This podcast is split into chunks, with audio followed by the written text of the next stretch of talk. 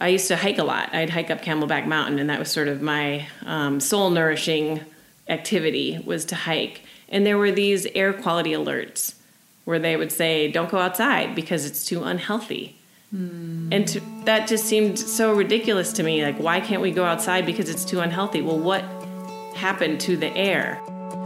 Welcome to the Women Inspired Podcast, brought to you by Modern Well, a beautiful woman centered collaborative workspace in Minneapolis, Minnesota. I'm your host, April Seifert, psychologist, entrepreneur, and self proclaimed life experience junkie. Each week, I will introduce you to a different woman who is succeeding and inspiring others in one way or another. We'll dive into her story, her successes, failures, and the lessons she has learned along the way all with the goal of inspiring you to listen to that inner voice who keeps reminding you that there is something you want to take action on. You are so much more capable and powerful than you give yourself credit for. Inside of you is a woman on fire. Let's let her out and see what happens. Here we go. Welcome back to the Women Inspired Podcast. My name is April Seifert, and I am your host. And before I dive into anything today, I just want to take a moment to pause because today's episode, this episode, is episode 100. And I'm kind of choking up even saying that because when I started this podcast, I had no idea whether it would be something that I would enjoy doing, whether I'd be able to get guests, how long I would be able to keep it up and sustain it. And it has grown over time because of you guys, because you have continued to tune in every week and listen to these incredible stories and support these women whose you know journeys I'm sharing with you and stories I'm sharing with you through this amazing medium. So I just wanted to pause to take a second maybe a little victory lap. I mean, let's just say I'm kind of boasting a little bit. I've hit episode 100. That feels really good. And I want to take a chance to thank you all for being here, for supporting me, and for helping me grow this thing and shape it into the podcast that it is today. Because uh, just for funsies, if you go back and listen to the first few episodes, it sounds nothing like it used to. And that transition and that shift over time has happened really organically as we've all gotten to know each other and figured out what this podcast actually is. So, thank you to every one of you who has ever listened to an episode. Thank you to every woman who has shared her stories along the way. It has just been the most incredible ride, and I cannot wait to see where the next 100 episodes lead us. So, wanted to pause and just say thank you, thank you, thank you and hooray for episode 100.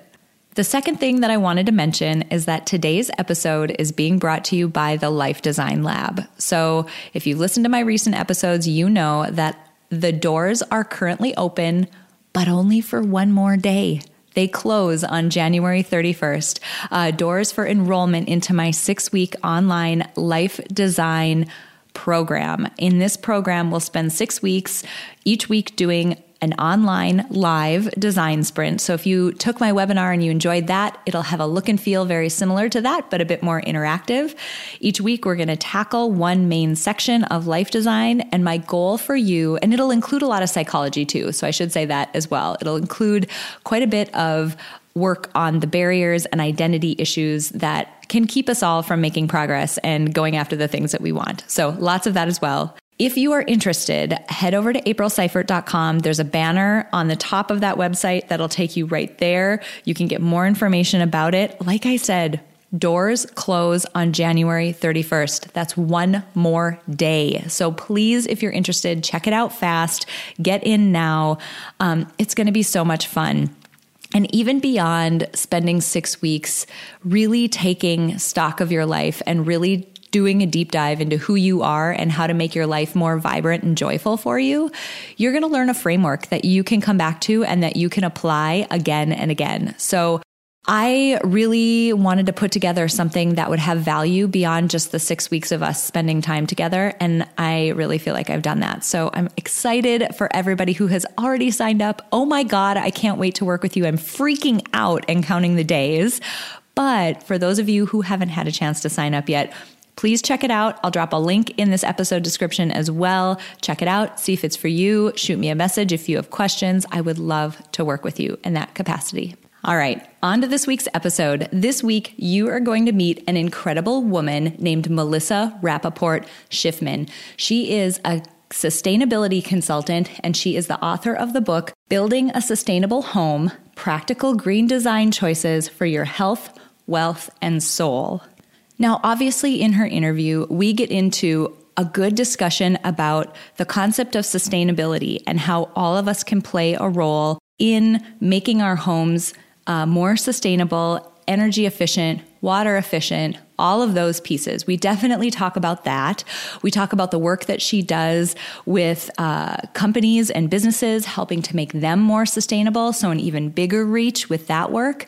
But we get into the coolest conversation at the end of her episode. Please, please, please stick around to that because it's so incredible how this woman has gone through this winding path and found herself doing work that absolutely fuels her passion. But like so many people who go down an entrepreneurial path, and in particular women who feel compelled to fit their work and fit their career into the cracks of the rest of their life, caring for, you know, kids and living life in other ways. So many of us feel like we lack that self value or that self worth that comes from a job title. So many times, you know, when people ask us what we do, we can easily, lots of people can easily answer that question by saying, Oh, I am the, insert your title, of, insert your department, at, insert the name of your company. I'm the VP of marketing at Target. That's not my job, by the way. So I don't want people to feel like I'm masquerading as that. That's not my job. But anyway, lots of times we derive a lot of self worth from our ability to answer that question and have an answer that feels really puffy and important. But when you don't have that, for example, when you're an entrepreneur and you're just building your own company, or you're cobbling together work from four or five different ventures because that's just how life works right now, it can feel like you aren't as valuable. And so we get into such a good discussion about that. So if you at all feel that way, or you know someone who does, that is the part of this discussion that is for you.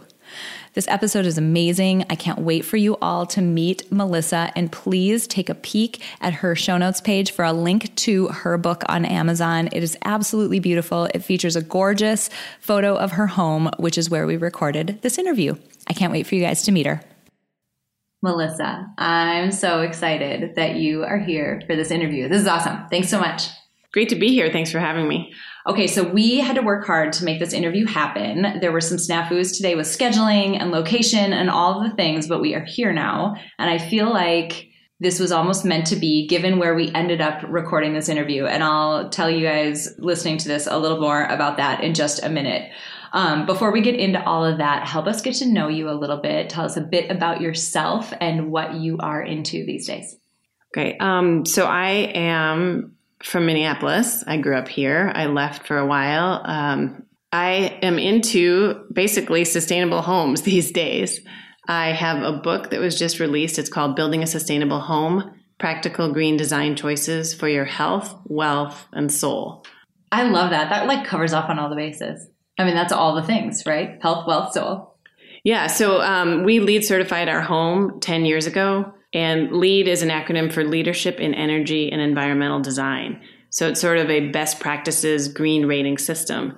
And I wanted to LEED certify our home because I wanted to understand mm. what really were the costs and benefits, mm-hmm. what was worth it, what was not. And now that we've lived in our home for 10 years, I can go back and say, well, here are the things I wish we would have done differently, or these things were totally worth it. So the book really is kind of that story. When we were building our home, I had bought all the guidebooks around, you know, what you're supposed to do to go green, and they were they were overwhelming pretty intimidating in some cases, a, a lot of technical jargon.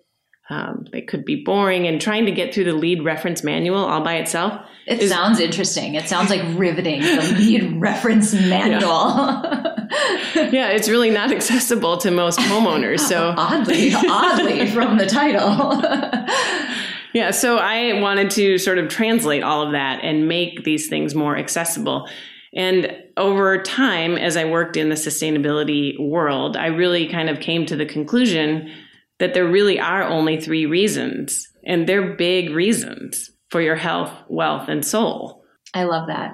Okay, so I want to do, before we jump, we're going to dive kind of deep into that topic because uh, your book is awesome, and I'm excited for people to hear more about the topic itself. But your story, your journey is a really interesting one because we are talking a little bit before we started recording.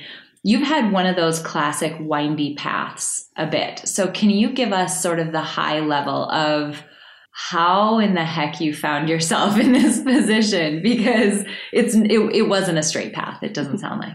Yeah, it wasn't a straight path, and in fact, I think the things I do now, you know, they weren't even a concept back when I was in school. So I went to school at Georgetown University. I majored in government and I worked on Capitol Hill for a couple years and I managed the issue areas of environment and energy. So sort of from a public policy perspective, I was interested in that. I went on to get my graduate degree in public policy and I also got my MBA. Mm-hmm. And coming out of business school, I was sort of set on the corporate ladder. Mm-hmm. I worked for the airlines for about six years in finance, financial analysis, financial planning, doing a lot of cost benefit analysis. And then I moved back to Minneapolis and I worked for Capella Education Company and I was their vice president of business development. So I was you know, I'd sort of in some way made it to vi- the vice president yeah, level in a pretty short period of time coming out of business school. So that was sort of a more traditional definition of success. Mm-hmm. But there wasn't really a lot of satisfaction mm-hmm. for me um, in terms of any type of cause that I was supporting. And the last job I had was, frankly, a little bit toxic. And so when I left and I got pregnant right after, no real coincidence there. Yeah. Um, I decided to commit myself to the world of sustainability and figure out how I could use my background, my education, and experience in the best way to help basically the world become more sustainable.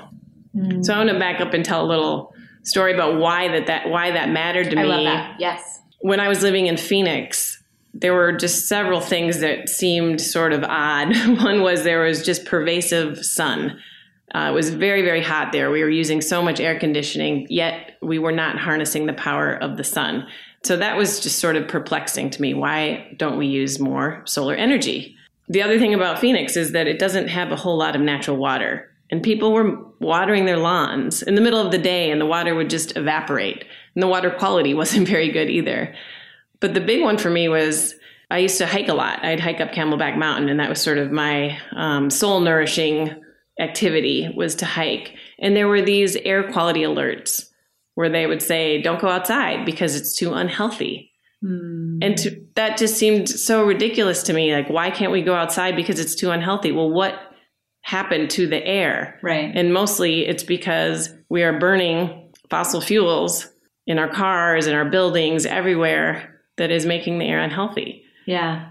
In addition to that, I read the book by Paul Hawken called The Ecology of Commerce, which really dives deep into how businesses are sort of polluting the environment. But what I love about Paul Hawken is that he looks at things in a more positive way. And he isn't anti corporate, he's pro corporate, he's pro businesses actually doing better. Mm-hmm. And that we can't really be anti corporate. We have to all work on these problems together because we all share one planet.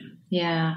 I love that. Oh my gosh. Okay, so I'm, I'm struggling with where to go because there's about five things that you said that I really adore. And people who are listening to this, you probably know where I'm going to go first because this is always where I go first. But um, it's so neat in your backstory because you you had this you you achieved this level in the corporate world that people work their careers to get to right? People nearly sell their soul in the corporate world to get to the point that you were at. And i can't tell you how many times i've heard from women who are either currently in that position or who made the decision to leave who've said it's not the achievement that makes you happy it's not the title it isn't um, your office or what it looks like. I recently met with a woman, and I'm not going to disclose who she is because she's going to be on a future episode, and I'm really excited.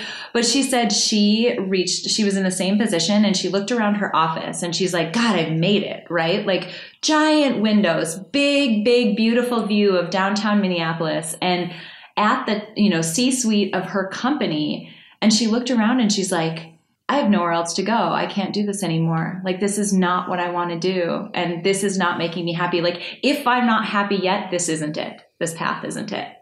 And I would love to hear a little bit about the decision you made to leave that because you basically turned in the direction of something you deeply cared about. And I think that's so cool and intentional. So I'd love to hear about that a little bit. Well, so it was slightly not completely intentional, partly because I was fired from my last job. but I sort of got myself fired in a weird way. Yeah. And um, I kind of realized that later that the things I had done, I, I sort of, con- I think, convinced my boss that it wasn't a good fit. But the question, the bigger decision then was do I go back? Do yeah. I get my resume all buffed and shiny and try and go for that next VP level job and where would that be? Right. And just looking around, it didn't there didn't seem to be that many jobs that were that really caught my interest, that were that interesting to me. Mm-hmm. And so I just decided to sort of take a break and um, I had my first daughter. We m- were moving into a condo, and in between my first daughter and second daughter, I worked for a solar energy company part time as sort of a marketing and sales consultant because mm-hmm. I really wanted to understand the economics of solar and why it wasn't more pervasive. So that was sort of the beginning of my self education in the world of sustainability. So I learned about renewable energy. I met with a lot of people who were investing in wind energy. And this was over a decade ago. But then when we had the opportunity to build a house, the LEED rating system for homes had just come out. And so that really intrigued me because I really wanted to understand that more. Mm-hmm. I wasn't sure, okay, this is the de- you know, the direction I wanted to go. I just knew I wanted our home to be energy efficient and water efficient and be easier on the environment and be healthy mm-hmm. for my mm-hmm. family the health theme kind of runs through because um, I'm very allergic to mold and mildew. Ah. I think everybody had some, you know, adverse reaction to that, but um, I basically can't breathe in areas where there's mold. And the house that we bought that was on this lot had a really, really moldy basement, and I couldn't even go in there. So when we weren't looking to build a house, we just wanted to find a healthy house. Right. And this house was very unhealthy that we had purchased. And so we looked at potentially remodeling it and trying to get the mold out of the basement and preventing it in the future was just uh, kind of a problem that was not easily solvable. We live on a really wet lot, and the house was built on old pilings from mm. the 1940s or 50s, and we didn't really know what could be done. So we ended up starting over. I love that. So you you mentioned this uh, notion of self education, and this is a point that I really want to make clear and drive home.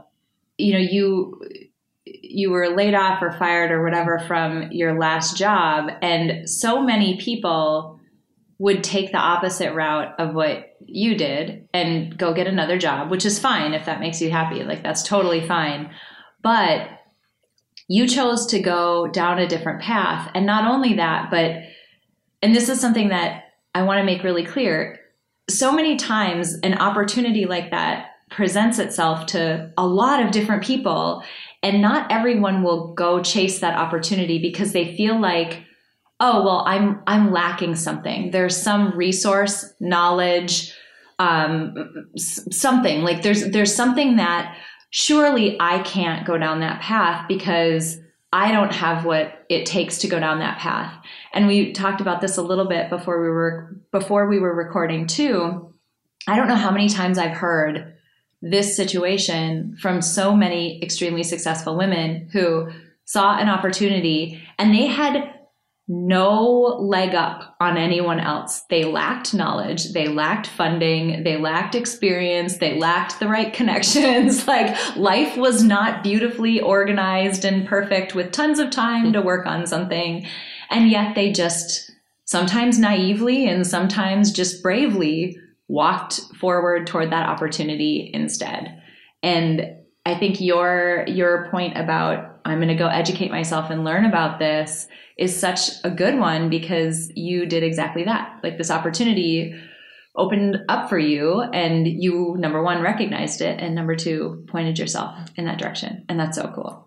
Oh thanks. And it's not common. Yeah. Well when i first started playing in the green building industry i was going to a lot of different workshops and everybody there was either an architect an engineer or an interior designer, and I was none of those. You're like, and what's so, up, MBA? yeah, so it was kind of a like, mm, how am I going to fit into this world, and how I'm going to convince people? But I really saw the opportunity, mostly because of my finance background, that when you invest in in sustainable investments, there's a payoff, and mm-hmm. I figured I could convince people, you know, that financially these all make sense, and oh, by the way, you're doing better for the planet as well. Yeah. So it just made sense to me. And I just, uh, I also realized I had the luxury of it. My husband worked and had a good job, and I didn't have to make as much money as yeah. I was making before. Um, but that's not the whole piece of it. You know, a lot of it is is the identity of what am I doing right now and how am I figuring this out. It is kind of a newer market. The mm-hmm. whole sustainable building, green building, it's not common. And so it's like, how do you fit into that? Yeah. So I just did a lot of networking with people because I really wanted to work in the commercial sector and help businesses become more sustainable and just started asking around who's doing this there's got to be some small consulting firms because i initially tried to hang up a shingle by myself and um, that was just really hard because mm-hmm. it was actually you know 10 years ago and people didn't know even the jargon or the lingo as right. much. Yep. Um, and it was also I just I didn't have enough experience under my belt. I felt so I felt like I needed to find some other people, and so I did end up finding a business and and yeah. became a business partner with a company called Sustology where we helped businesses become more sustainable and did a lot of LEED certification. So I did that for the next five years.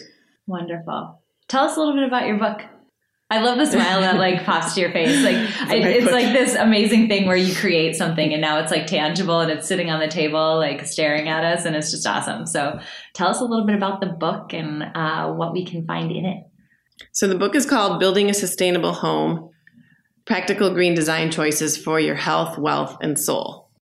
I wrote the book for a couple different reasons. The first was when we went to build our own house and I bought all of the guidebooks. I felt like the guidebooks were a little bit sort of technical, a lot of jargon, and they throw everything at you. And they don't help you really prioritize mm-hmm. against a budget. They don't help you prioritize against your values. Mm-hmm. Oh, that's huge.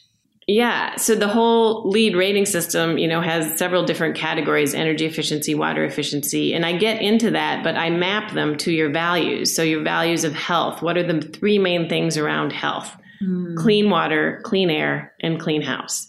And then I talk about the tactics for that. For your wealth, there's three areas energy efficiency, water efficiency, and durability. Mm. And what I mean by wealth is any of those and all of those will save you money in operating expenses every year, yeah. year after year. So you invest up front and you save money. So that's what I mean by for your wealth.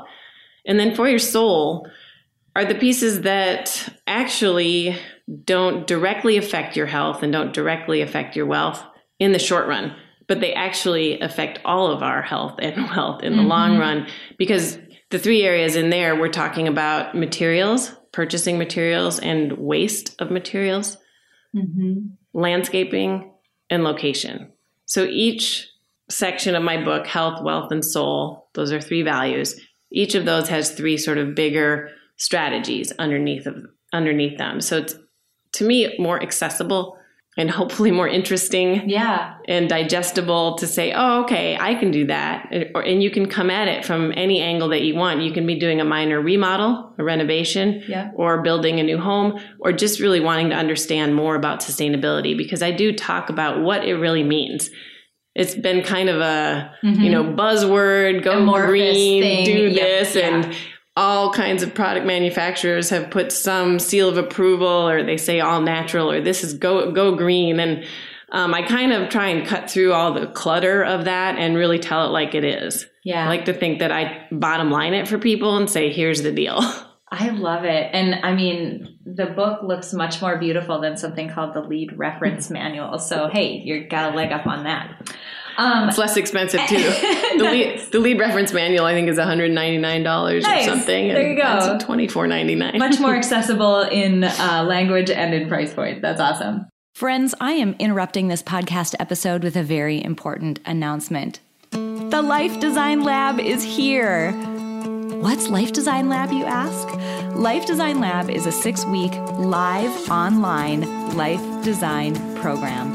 It combines the best of the best from the fields of design thinking and psychology to teach you a framework that you can use again and again to align your life around who you are and how you want to feel.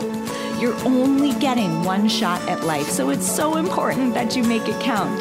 Visit aprilseifert.com and click the banner at the top to get all the details, or just click the link in this episode description.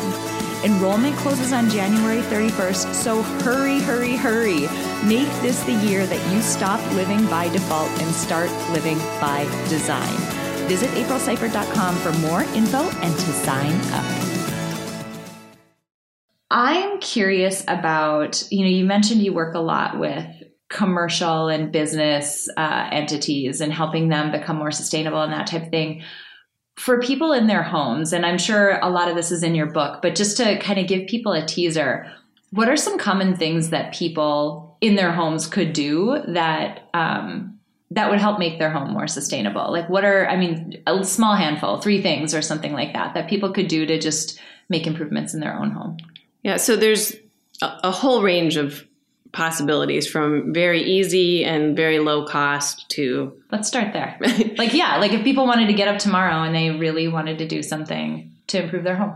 Yeah, a couple things. I mean, I think most people have heard of LED lighting, but really changing out any lamps that have the old incandescent bulb and even the compact fluorescent bulbs, switching them out for LED lights is a no brainer financially as well as from a time perspective because they last so much longer that you won't have to waste your time replacing them. Mm-hmm. And you'll save money not re- having to replace them, and you'll save money having them operate because your electric bill will go down. Mm-hmm. So that one is kind of the biggest no brainer.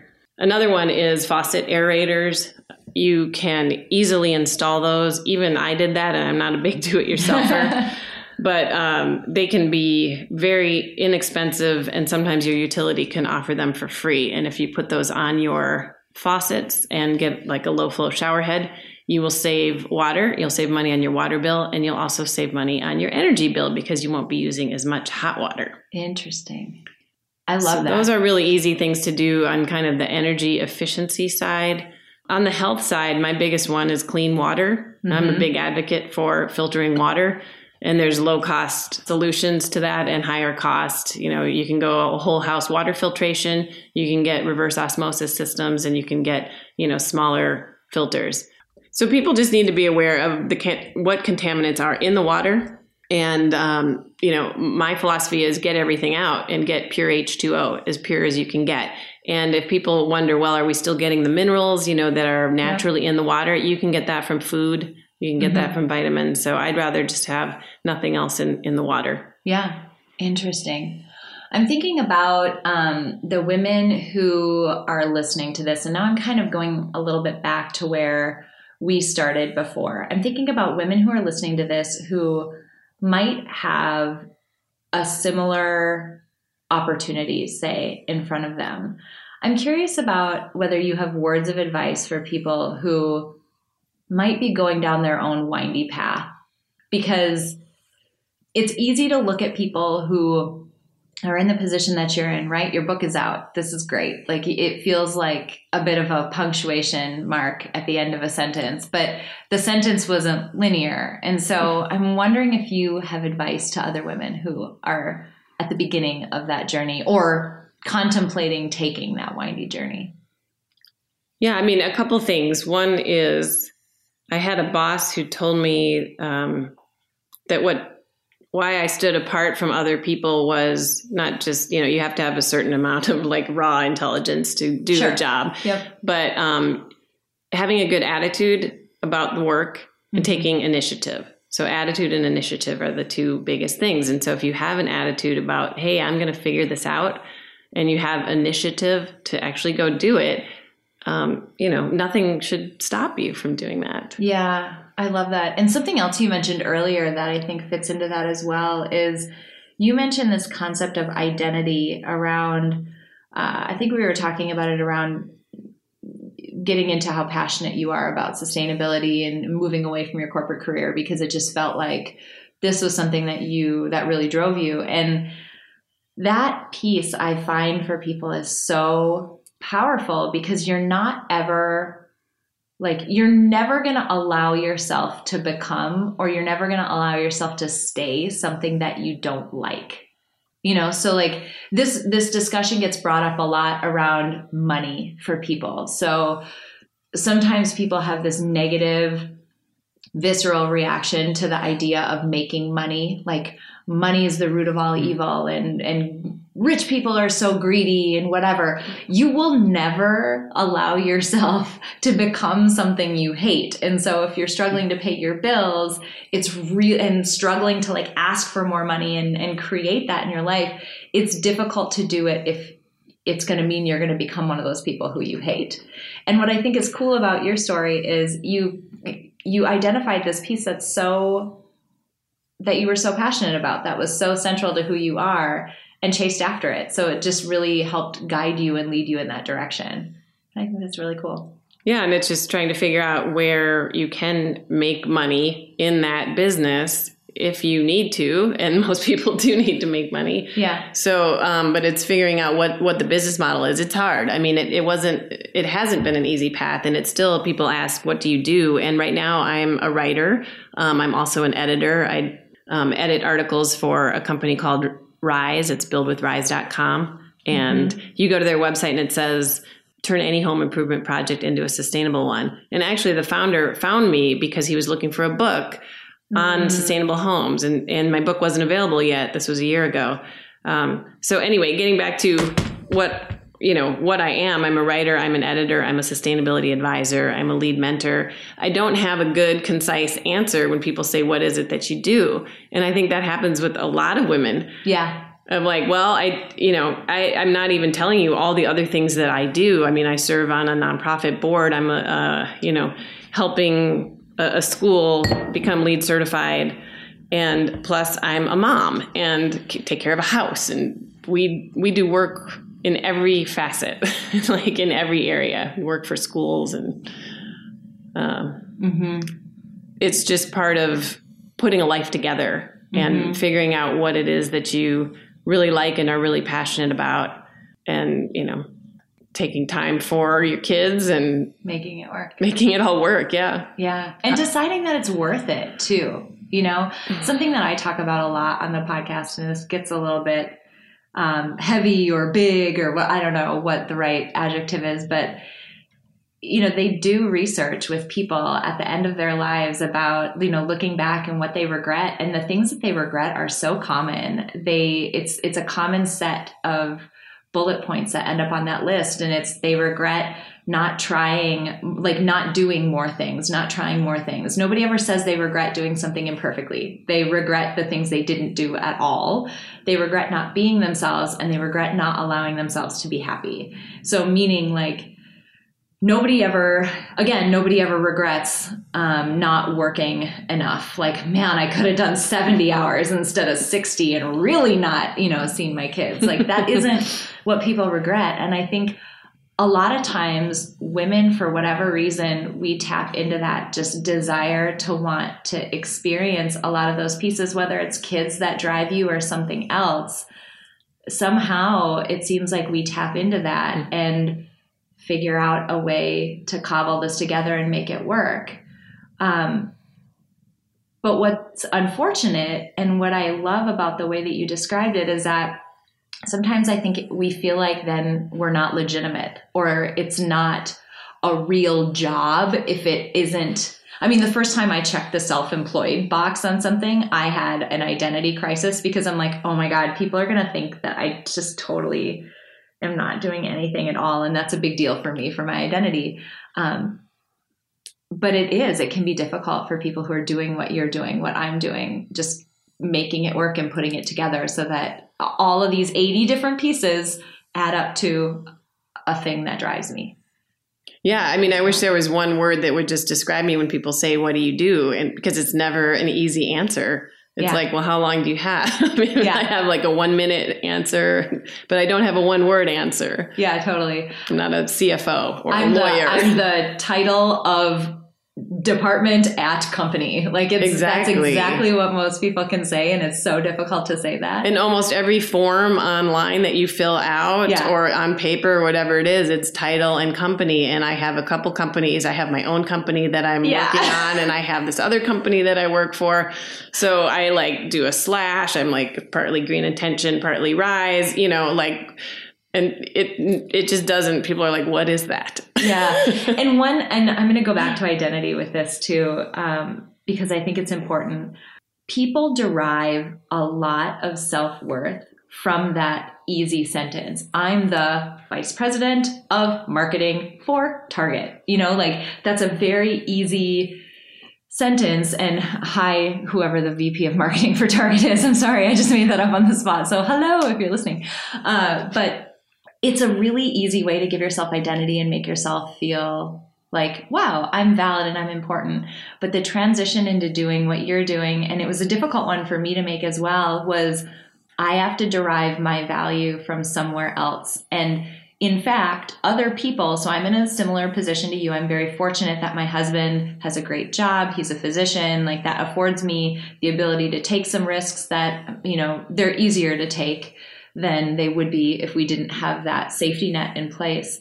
But what that also does is it immediately makes people skeptical about what I'm doing and they assume that it's really not very much at all. And so not only am I battling my own self feeling like wow, I'm I'm a super big imposter here and I'm not valid at all because I can't even tell people what I do and what I am. So not only that, but they know it too and they're they're mirroring it back to me what a fraud i am great and did you find that and was that difficult for you to get yeah totally i mean yeah because people say you know do you work outside of the home you know it's like well yeah, um, I do this and this, but I also Sometimes work at I home. go to Starbucks. Sometimes I go somewhere else. I go to Modern Well.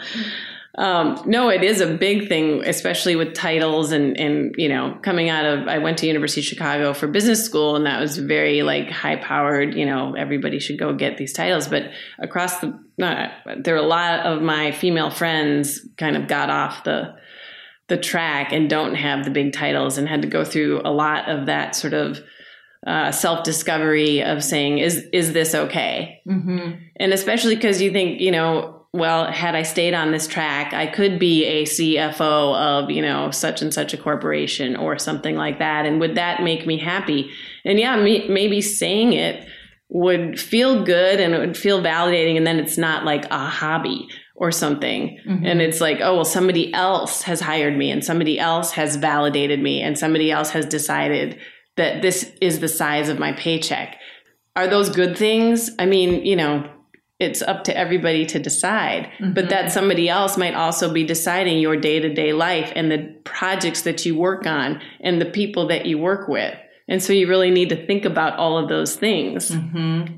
Oh my gosh, I love this so much. Holy cow. I didn't realize we were going to get uh, into that topic, but it's such an important one. And, you know, I don't think either of us are saying, you have to go down this path, you have to leave your job, you have to whatever. But for the people who are considering it, just know that your value does not lie in your title and it doesn't lie with another person telling you that you know you're valid in chasing whatever it is that you are. Like oh my god go pick up your pair of scissors and run out into that field. Like just go run with your pair of scissors and you're fine it'll be completely fine. Yeah but you might have to self-validate every now and then. Yeah absolutely. Yeah. Pull like, this episode okay. back up and we're going to tell you that you're awesome and you can keep running with those scissors. Oh my gosh. This has been wonderful. Um, tell us where we can find your book so it's available at Barnes and Noble. It's available at independent bookstores, and it is, of course, available on Amazon. Everything you can get everything on Amazon, man. Like you can just order like a bouncy castle to somebody's house on Amazon. It'll just show Absolutely. up there the next day. It's crazy. Um, awesome. This has been wonderful. I could seriously sit here and gab with you all day long. And FYI, or I think I mentioned this before, we are recording from the most beautiful home. We got kind of diverted today, and we're sitting um, in Melissa's house, and it is the most airy, giant window, straight lines, gorgeous, like architectural feat of amazingness. So I wish you guys all could see where I'm at right now because it's absolutely gorgeous. So go buy her book and you will understand what I'm talking about. Um, it's all about building your own and creating your own sustainable home. So I hope you guys will check it out. Thank you so much, so much for being here. Thank you so much for having me. All right, you guys, I really hope you enjoyed that interview with Melissa Rappaport Schifman, sustainability expert and amazing new author. All right, of course, there are a few things that I want to hit on, and let's start with the obvious one right away this notion of sustainability. We had a really interesting conversation as I was leaving Melissa's home after this interview. We started talking about something that I had heard. Um, I, I, honestly don't remember where I read it, but another expert in the uh, in this arena was talking about how you know we're at a really critical point right now with the planet in that our actions as humans are changing the way that our climate is operating and it's impacting where animals are able to live and how our food supply is happening. It's um, cha- causing changes in natural disasters, et cetera, et cetera, et cetera. Like things are changing and it's because of us. And this expert, it was really interesting because they made a point that I had never heard anyone make before. And Melissa actually said that this is something she talks about in her book. They both have said you know, there's no denying the fact that we have caused a lot of damage to our planet. But here's the thing that people don't realize even if we do nothing and we continue to uh, do the damage that we're doing now and we don't work to change anything, the planet will still be here. So even when catastrophe happens, the planet will still be here. It's just, it won't be habitable by us. So it will be here, but we won't. And so, in a lot of ways, these efforts are not efforts to quote unquote save the planet, they're efforts to save our species. it's really wild when you think about it. Uh, the you know the weight of the importance of these types of efforts. So I wanted to make that point because sometimes it's easy with things like this to say, you know, I'll do it tomorrow, or that's not something that I need to focus on, or other people can work on it, or other people are working on it, and kind of pass the buck. But in this case, it's one of those times where we all need to just do our part and chip in and do what we can. Maybe you can't do everything that's in this book, but maybe you can do a few things. And even that would make a big difference. So just something to consider. The earth will still be here but we won't. That's wild. The other two things I want to talk about. Number one, I loved the conversation that we got into right at the end. And honestly, I had to kind of hurry it up because I'd already taken up a ton of Melissa's time due to the, you know, circumstances around us recording. It kind of turned into a bit of a cluster. Uh, my fault. But, um, it was such a great discussion because we spend we put so much of our self worth and put so much of our value as people, we place it in external things. So things like our title or whether someone else values us enough to give us a paycheck of a certain level, or someone else telling us, yes, you got a job, meaning, yes, you are valid in being able to call yourself this title or work in this field. We really give that power away to other people. And in reality, I heard this with Melissa talking about being, you know, this vice president of a of business development at a company. Um, I've heard this again. I mentioned it a future a future guest who will be on the podcast said the same thing. They were a very high up executive at a very prestigious company in the Minneapolis area, had a beautiful office, had arrived and realized that was not what made them happy and ultimately that is not what made them who they were. Their self worth was not tied up in their title and what they did for their job. And that's amazing. That's an amazingly difficult thing to decouple. And I'll admit, I had a very hard time doing that when I first you know, I, I made the decision not to go back to actually, my situation was very similar to Melissa's. I was laid off from a company and it was right before I was going to have a baby. It was right before the holidays. It doesn't sound as horrible as it is. Like it was a fine parting from the company. They're great people, great place, no big deal. But I did find myself in that position where, like, wow, not by choice, I don't have a job. What do I want to do? And I think it was just the enormity of the situation of coming up on the holidays and almost being, I was literally weeks away, like three, four weeks away from having a baby when it happened. And I think the enormity of the situation made me really pause and think and get very intentional about how I chose to move forward. And it sounds like Melissa did the same thing. And at that time, when I when I decided to not go back, it was really difficult for me because I had always been a type A high achiever seeking external validation. And let me tell you from personal experience if you need external validation, if you seek it because that's the thing that makes you feel valid and feel of value, you're always going to be looking because there's never going to be enough. And ultimately, that's not what makes you valuable. And ultimately, that's not what makes you valid or worthwhile as a person. Don't give that power away to someone else that you're just waiting for somebody else to tell you that you are valid or worthwhile. You're valid or worthwhile without their opinion. And you don't need mine either telling you that. Conjure that up for yourself. Your value does not come from your title. You're an amazing person, and I don't care what your title is, and I don't care what your job is. The last thing I want to hit before I close out this week is you know, we talked about opportunity showing up in front of us and who's willing to take that opportunity and run with it and who maybe doesn't and is afraid. I've heard this time and time again from folks, you know, outside of this podcast, just people I encounter. I couldn't do that because, and then they'll name a barrier.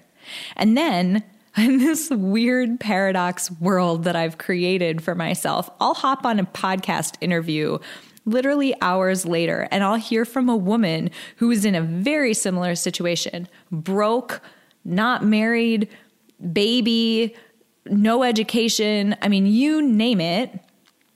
Same situation or more difficult, who found a path forward.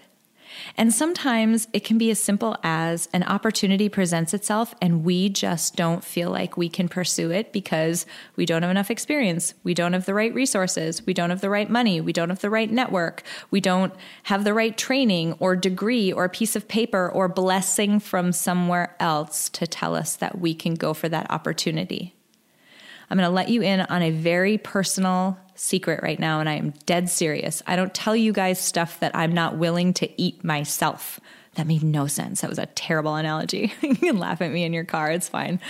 Um, one of the things, one of my goals for 2019 is literally the way that I've described it is 2019, I'm running with scissors.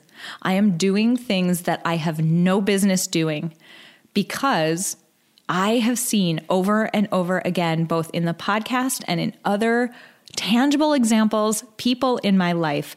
They have picked up their pair of scissors, the thing they had no business touching. They had no business doing it. No degree, no person telling them that it's okay, no experience in that area. They had no business doing it. And they ran their butt off into the field and had a great time doing it. And everything was okay. And here I am behind my little rock going, oh my God, did they die? Are they still okay? That's ridiculous. That is absolutely ridiculous. These people that are doing that have nothing on me and nothing on you. You have just as much intelligence, courage when you muster it up, resources, background, or in fact, you have just as little as they had. And the only difference between you and them is that they picked up that pair of scissors and they started running with it. So, my goal in 2019 is to pick up a bunch of pairs of scissors and run because ultimately it's just not that risky and it's just not that big of a deal. And that's literally the only way that people have achieved these massive things and massive success is that they just didn't care. And they just didn't care that they had no business doing it. They just did it anyway. And that's amazing. And that is so inspiring. And so that's what I'm doing. And that's what I'm going to issue a challenge to you to do. Pick up a pair of scissors and run with it. Like, not realistically, please don't hurt yourself, but, you know, metaphorically, pick up that pair of scissors and go run with it.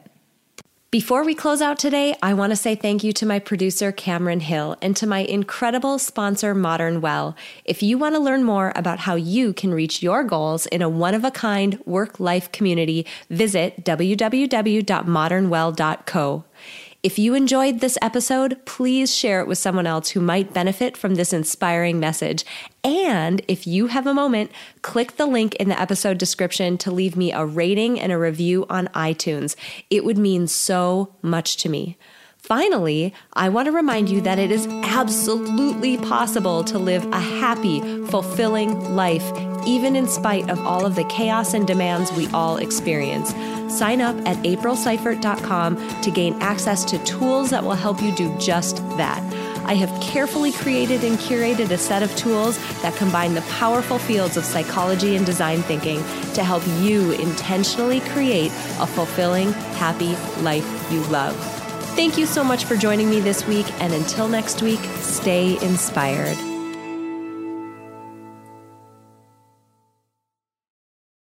At Parker, our purpose is simple. We want to make the world a better place by working more efficiently, by using more sustainable practices, by developing better technologies. We keep moving forward. With each new idea, innovation, and partnership, we're one step closer to fulfilling our purpose every single day. To find out more, visit parker.com/purpose. Parker, engineering your success. As humans, we're naturally driven by the search for better. But when it comes to hiring, the best way to search for a candidate isn't to search at all. Don't search, match with Indeed. When I was looking to hire someone, it was so slow and overwhelming. I wish I had used Indeed. If you need to hire, you need Indeed. Indeed is your matching and hiring platform with over 350 million global monthly visitors, according to Indeed data, and a matching engine that helps you find quality candidates fast. Ditch the busy work. Use Indeed for scheduling, screening, and messaging so you can connect with candidates faster. And Indeed doesn't just help you hire faster. 93% of employers agree Indeed delivers the highest quality matches compared to other job sites, according to a recent Indeed survey. And listeners of this show will get a $75 sponsored job credit to get your jobs more visibility at Indeed.com slash podcast. That's Indeed.com slash podcast. Terms and conditions apply.